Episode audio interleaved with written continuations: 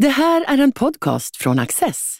Du hittar fler av våra program på access.se och på Youtube. Mycket nöje!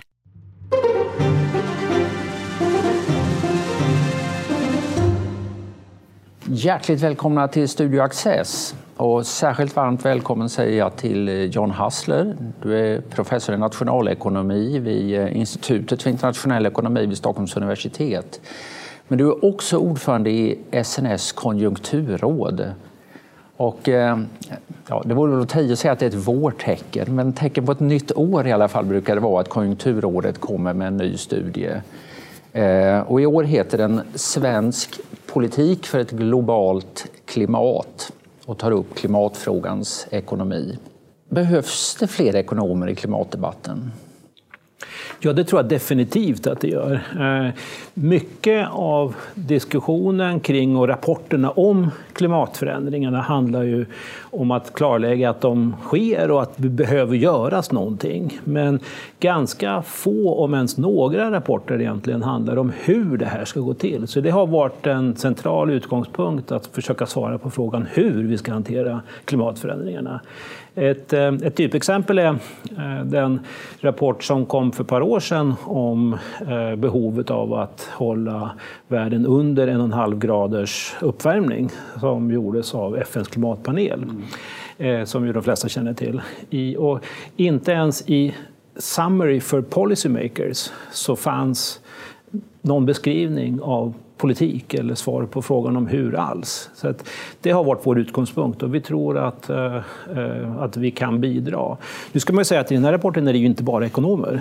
Eh, och, det gör det lite annorlunda. Normalt sett så brukar ju de här rapporterna, jag brukar raljera lite och säga bestå av, eller göras av tre ekonomer som tycker ungefär likadant och så skriver de ner vad de tycker likadant om.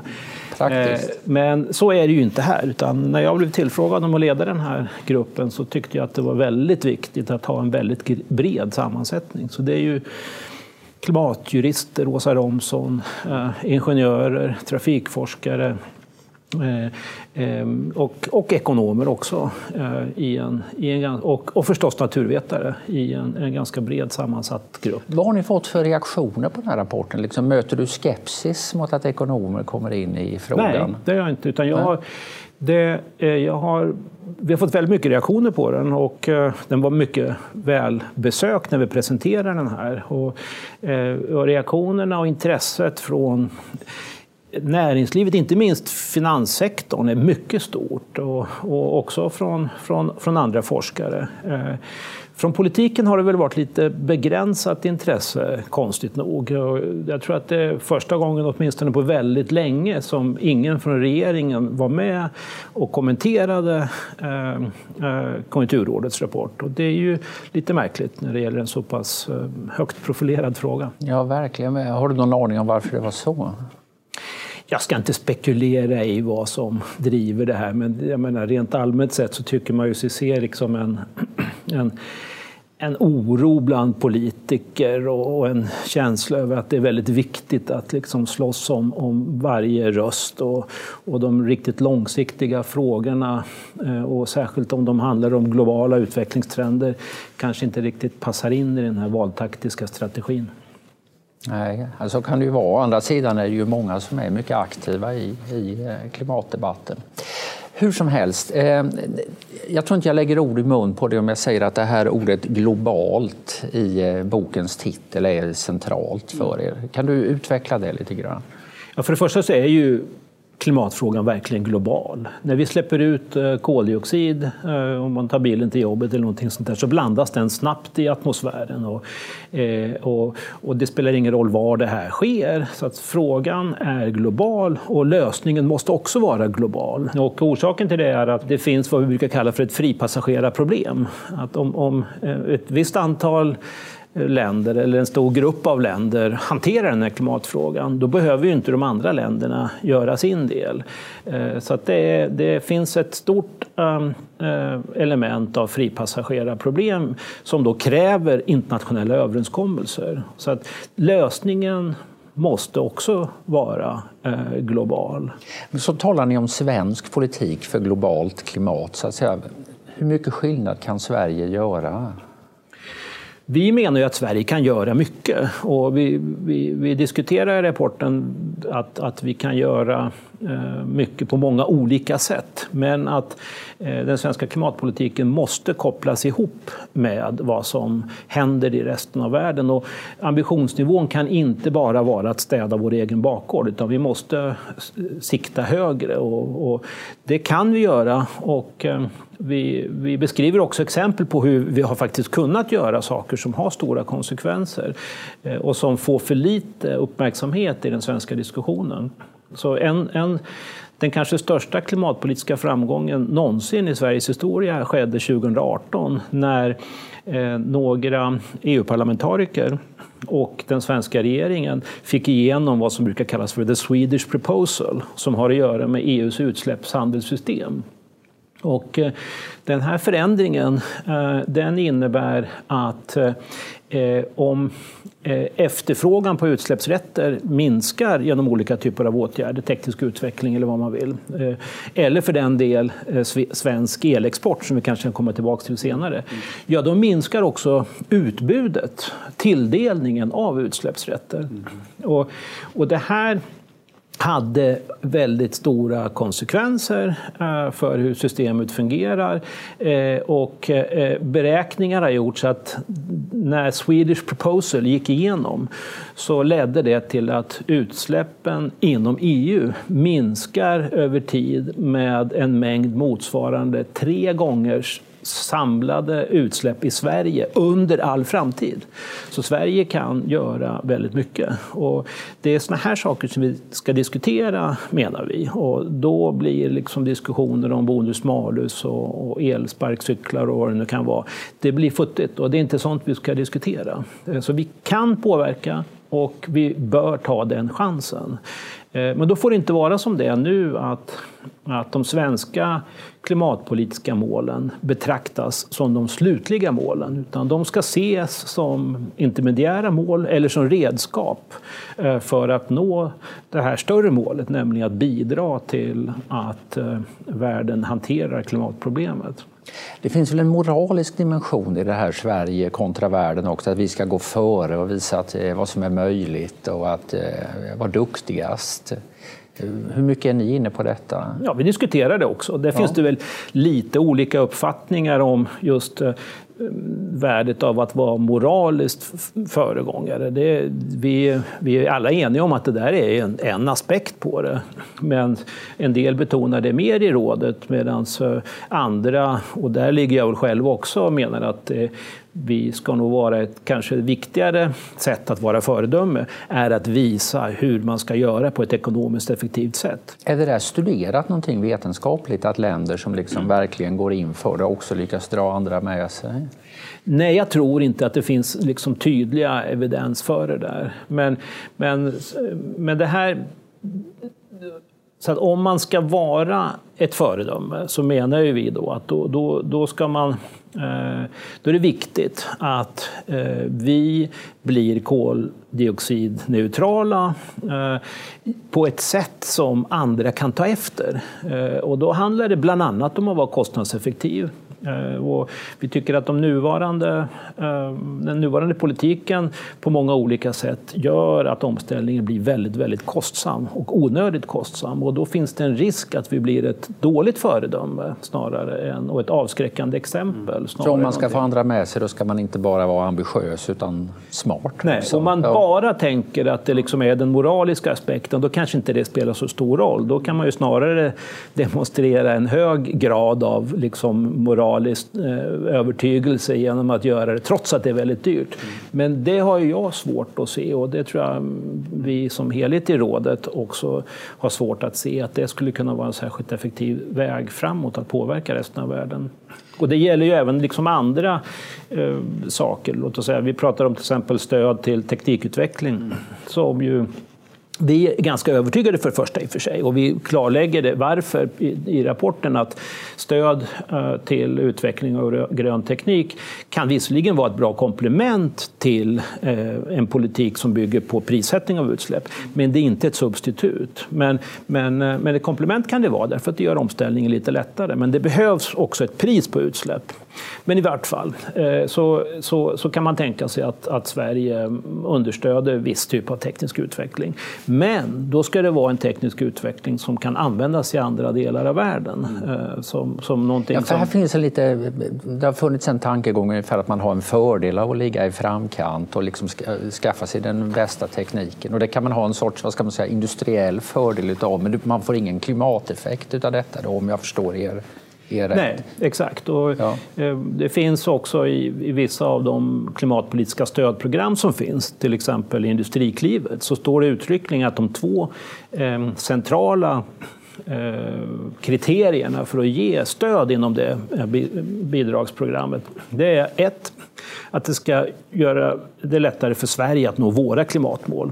Och två, att det ska stärka den svenska konkurrenskraften. Och då menar jag att det första är felformulerat, för det ändå måste vara det övergripande målet, nämligen att bidra till, till, till jordens eh, klimat som är det viktiga. Och för det andra, om man tänker att vi ska göra saker som, som stödjer svensk konkurrenskraft, ja då, eh, då tänker man ju inte på sådana saker som snabbt kan sprida sig till andra delar av världen och som andra företag kan ta efter. Utan, eh, så jag, vi menar ju då att om man med klimatpolitiska argument ska ge stöd, då ska man också ställa krav på att inte ta patent, att tekniken ska vara lätt tillämpbar i andra delar. Och då pratar vi framförallt i, kanske i, i Kina och utvecklingsländerna, för det, det är där de stora klimatproblemen och utmaningarna finns.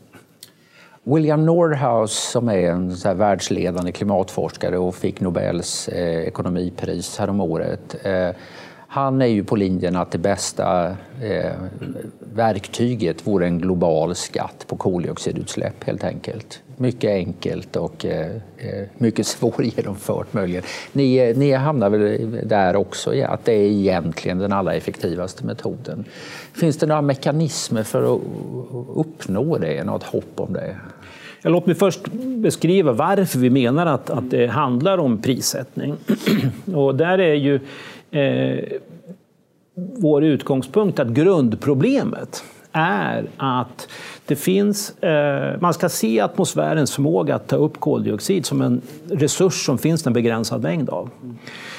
Tidigare i historien så var den här resursrestriktionen inte så viktig, men nu har den blivit det på grund av teknisk utveckling och befolkningstillväxt och så vidare. Så nu är det en begränsad resurs som då är fri att använda sig av. Fri, vem som helst, det är up for grabs. Vem som helst kan göra det här, ta, ta den här resursen i anspråk utan kostnad. Eh, och det där leder alltid till hållbarhetsproblem. Oavsett om det gäller atmosfären, som i det här fallet, eller om det gäller eh, fisk i, i haven eller skog eller någonting sånt där.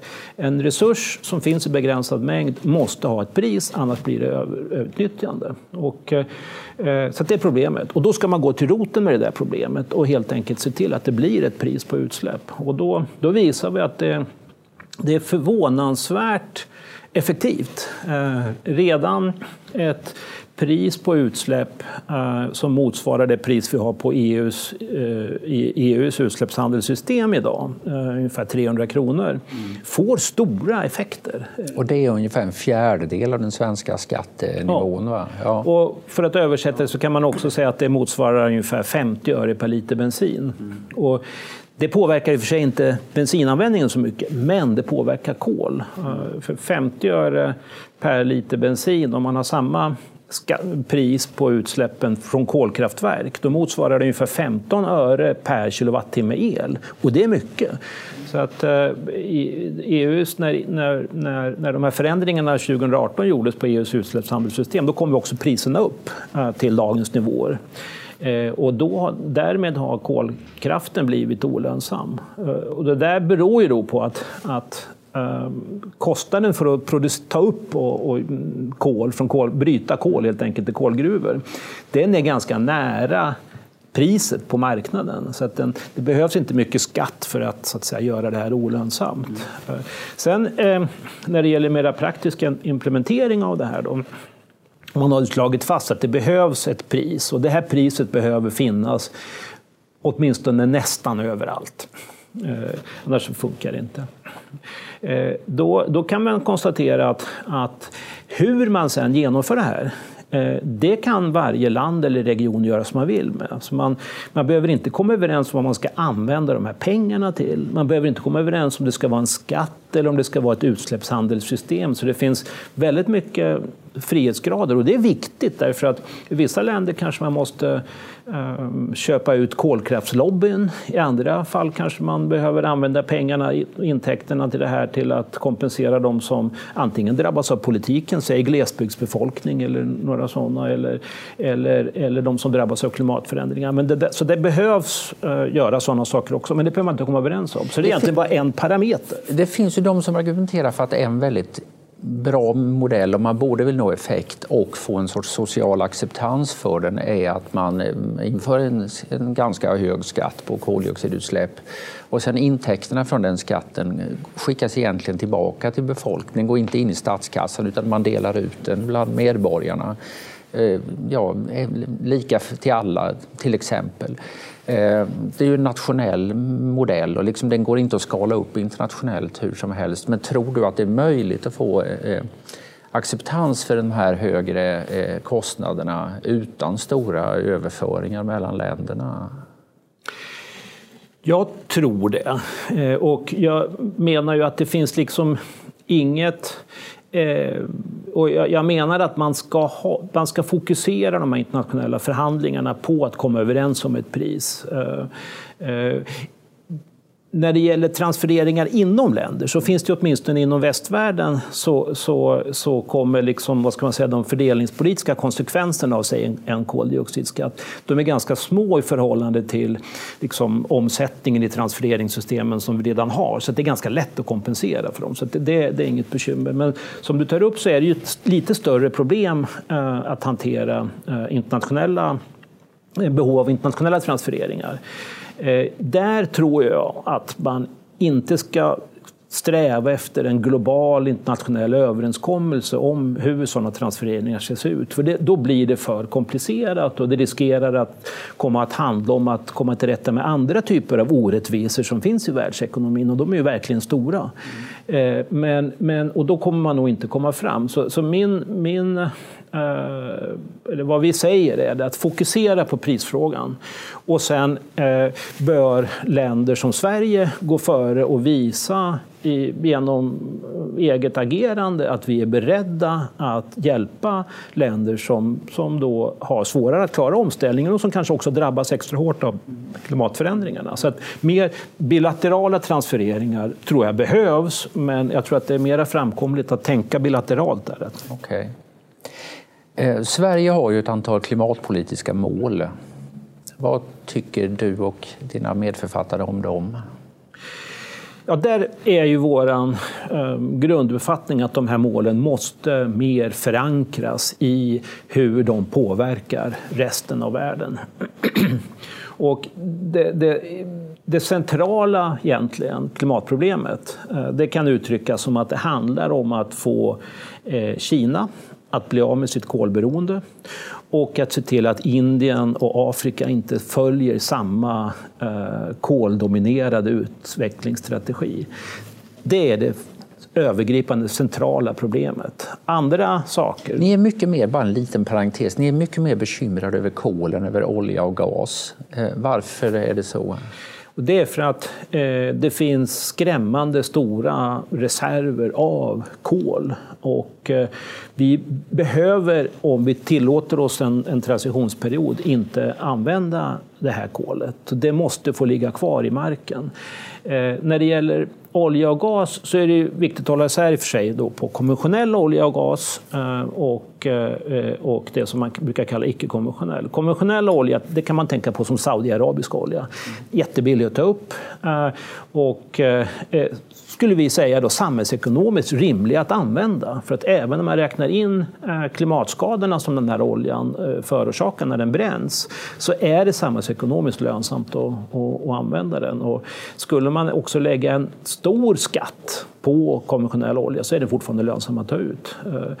Eh, eh, men det är inte något hot mot klimatet för det finns helt enkelt inte tillräckligt mycket av sådana reserver. Okay. Eh, när det gäller icke-konventionella reserver. Och då kan vi tänka på eh, så fracking, fracking ja. arktisk olja, sån här kärsand och sånt där. Eh, där är situationen annorlunda den, den är dyr att ta upp. Eh, och när man tar hänsyn till eh, klimateffekterna av att använda den, då är det inte samhällsekonomiskt viktigt att använda den. Och det ser man också, skulle man lägga en, en rimlig beskattning på utsläppen från den här typen av, av olja och gaskällor, då blir det inte heller kommersiellt riktigt att använda dem. Right. Hur mycket det finns där, det vet vi inte riktigt. Eh, så det kan hända att det finns... De, de, samhällsekonomiskt så bör de här reserverna stanna i marken. Om de inte gör det så skulle det kunna vara ett hot mot klimatet. Men, men, med, så i den meningen påminner de lite grann om kol, men, men det är lite svårt att säga. Men konventionell olja och gas, den, den kommer vi nog rimligen att använda tills den tar slut och det är fine. Okej. Okay. Ja. Slutparentes där. Åter till våra klimatpolitiska mål. Eh, ett är att Sverige ska vara helt koldioxidneutralt eh, 2045. Eh, ett annat som då är ett etappmål är att eh, speciellt fordonssektorn, alltså transporter, eh, ska minska sina utsläpp rätt dramatiskt fram till 2030. Kan du kommentera de båda? Ja, vi tycker att de har blivit liksom självändamål och man måste diskutera eh, formuleringen av dem. Och jag ska återkomma till varför jag tycker att det är viktigt att göra det nu. men men jag, jag tänker att det behövs eh, mål. Eh, de kan fungera lite grann som en styråra eller som ett roder i, i, politiken. Men det är också så att om man tänker på de här målen som, som, en, som, en, som ett roder, att om vinden vrider lite, förutsättningarna ändras lite, då, då ska man ju inte släppa rodret. Mm. Men man måste vara beredd att ändra lite grann på rodervinkeln och det är vad vi menar. Så att, eh, vi ska ha mål, men om vi tar 2045-målet till exempel, eh, så, så säger det att med klimatneutralitet, i klimatneutraliteten så, får vi, så ska vi inte räkna in mer än en begränsad mängd av vissa typer av utsläppsminskningar. Och det där är en fel menar vi. Eh, och till exempel så, så, så, pekar vi på i rapporten att man borde göra mycket när det gäller att samla in koldioxid eh, från förbränning av, av, av biobränslen. Eh, och där finns en jättestor potential. Men det som målet är formulerat får vi inte räkna in mer än till en begränsad del. Det finns en sån känsla av att det där är fusk. Precis, och det där är tokigt. För att eh, den, den, typen av åtgärder är jätteviktiga. Det är, det är väldigt klart när man läser IPCCs rapporter att det här måste, sånt ska vi göra. Och det spelar ingen roll för, för klimatet eh, varifrån koldioxid, atom, eh, koldioxidmolekylerna kommer. Så det där ska vi göra. Ett annat exempel är att att eh, eh, vi menar ju att det är viktigt att Sverige tar ledningen när det gäller att hjälpa, hjälpa andra länder att, att, att minska sina utsläpp. Och inom EU så, eh, så, så har man ju dels utsläppshandelssystemet. Men sen har man också överenskommelser inom EU eh, som är tvingande om hur mycket varje land ska minska sina utsläpp eh, eh utanför utsläppshandelssystemet. Alltså, det är ungefär hälften av, av utsläppen som ligger där. Det är trafiksektorn till exempel. Och då har man sagt att av rättviseskäl så de rika länderna ska göra mer. Eh, Medan fattigare länder inom EU behöver inte göra så mycket. Så till exempel Bulgarien som är det fattigaste EU-landet, de behöver inte göra någonting där. Men då sa man också inom EU att det här kommer ju att leda till att det finns mycket lågt hängande frukt Eh, när det gäller utsläppsminskningar i till exempel Bulgarien. Och, eh, och det, eh, därför har man utvecklat ett system där andra länder kan hjälpa till att finansiera utsläppsminskningar i de här länderna som inte har så stort utsläppsminskningsbeting. Och det är ju då ett sätt att visa att EUs klimatpolitik kan göras på ett effektivt sätt som kan inspirera andra. Men då har Sverige i vårt mål för 2045 bestämt att nej, det där ska vi inte göra. Det, det ska vi bara ha en liten begränsad del för. Eh, och ett tredje exempel är att vi in, bara begränsad del får Eh, eh, nå klimatneutralitet genom att öka inlagringen i skog och mark. Och det är också någonting som är viktiga åtgärder att göra, men som vi av någon anledning har sagt att det ska vi inte göra. Kanske för att, som du säger, att det upplevs som fusk. Men det är dumheter skulle jag vilja säga. Och där är vår slutsats då att håll fast vid 2045-målet, men ta bort en del av de här restriktionerna som är självpåtagna. Då skulle vi nog förmodligen kunna bli klimatneutrala betydligt tidigare än 2045. Det här målet om fordonsflottan, mm. att man ska sänka utsläppen med det, 70 procent i förhållande till 2010 fram till 2030? Ja, det är väldigt mycket exercis med årtal och kvoter fram och tillbaka här. Men, men det är hur som helst ett mycket ambitiöst mål. Är det genomförbart? Ja, det är klart att det är genomförbart. Däremot så menar vi att det, det är väldigt dyrt och eh, det har eh, en ganska liten eh, klimatnytta, om ens någon. Där skulle vi säga att det, det är ju, eh, jag skulle vilja notera att när det gäller liksom systembeskrivningen av hur klimat och ekonomi globalt hänger ihop, som är den viktigaste delen i vår rapport, där är vi alla eniga. Men när det gäller vissa saker, till exempel transportmålet, då är, då är, då är vi inte helt eniga. Åsa Romson har, har reserverat och tycker att man ska ha kvar transportmålet, men majoriteten tycker, tycker inte det. Då.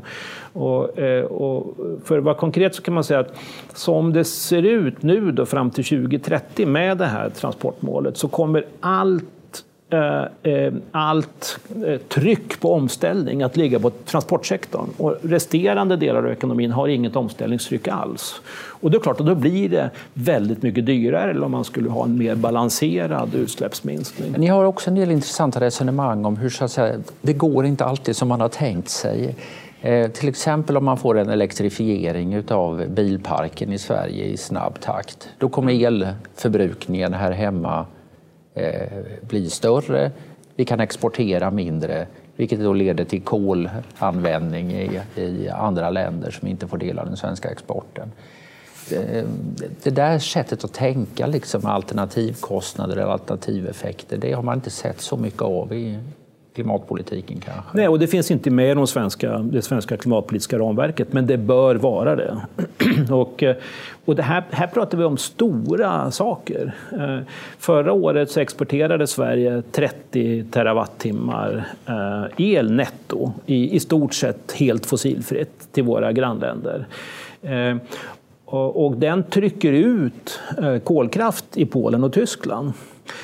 Och som sagt, vi exporterade 30, men varje varje terawattimme polsk eh, kolkraft som vi på det sättet kan tränga undan, det motsvarar utsläppen från mer än en halv miljon bilar.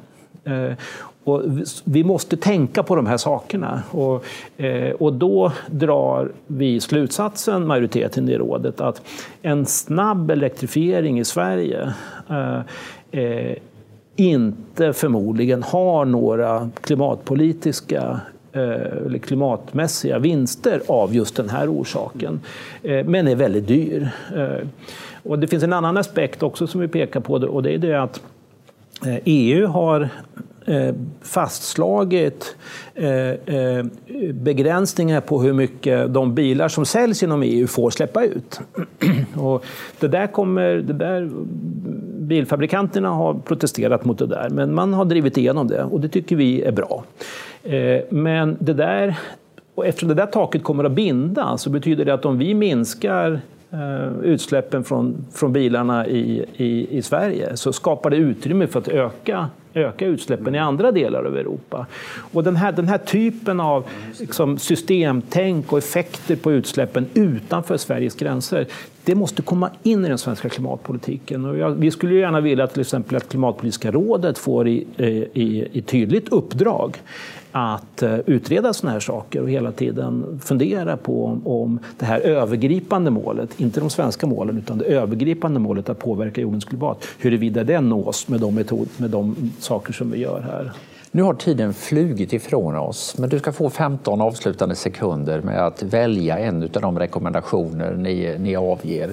Om du ska sända signalen detta är det allra viktigaste vi har att säga, vad är det? Fokusera på att försöka få till stånd ett pris på utsläpp. Eh, det sägs ibland att det är svårt. Och det är det förmodligen. Men det finns ingen lättare väg och den huvudsakliga anledningen till att vi ännu inte har nått dit är att det faktiskt inte har varit på de internationella förhandlingsborden. All right. John Hassler, stort tack för att du har gästat oss. Tack. Du har just lyssnat på en podcast från Access. Du vet väl att vi också är en tv-kanal och tidning? Teckna en prenumeration idag på access.se.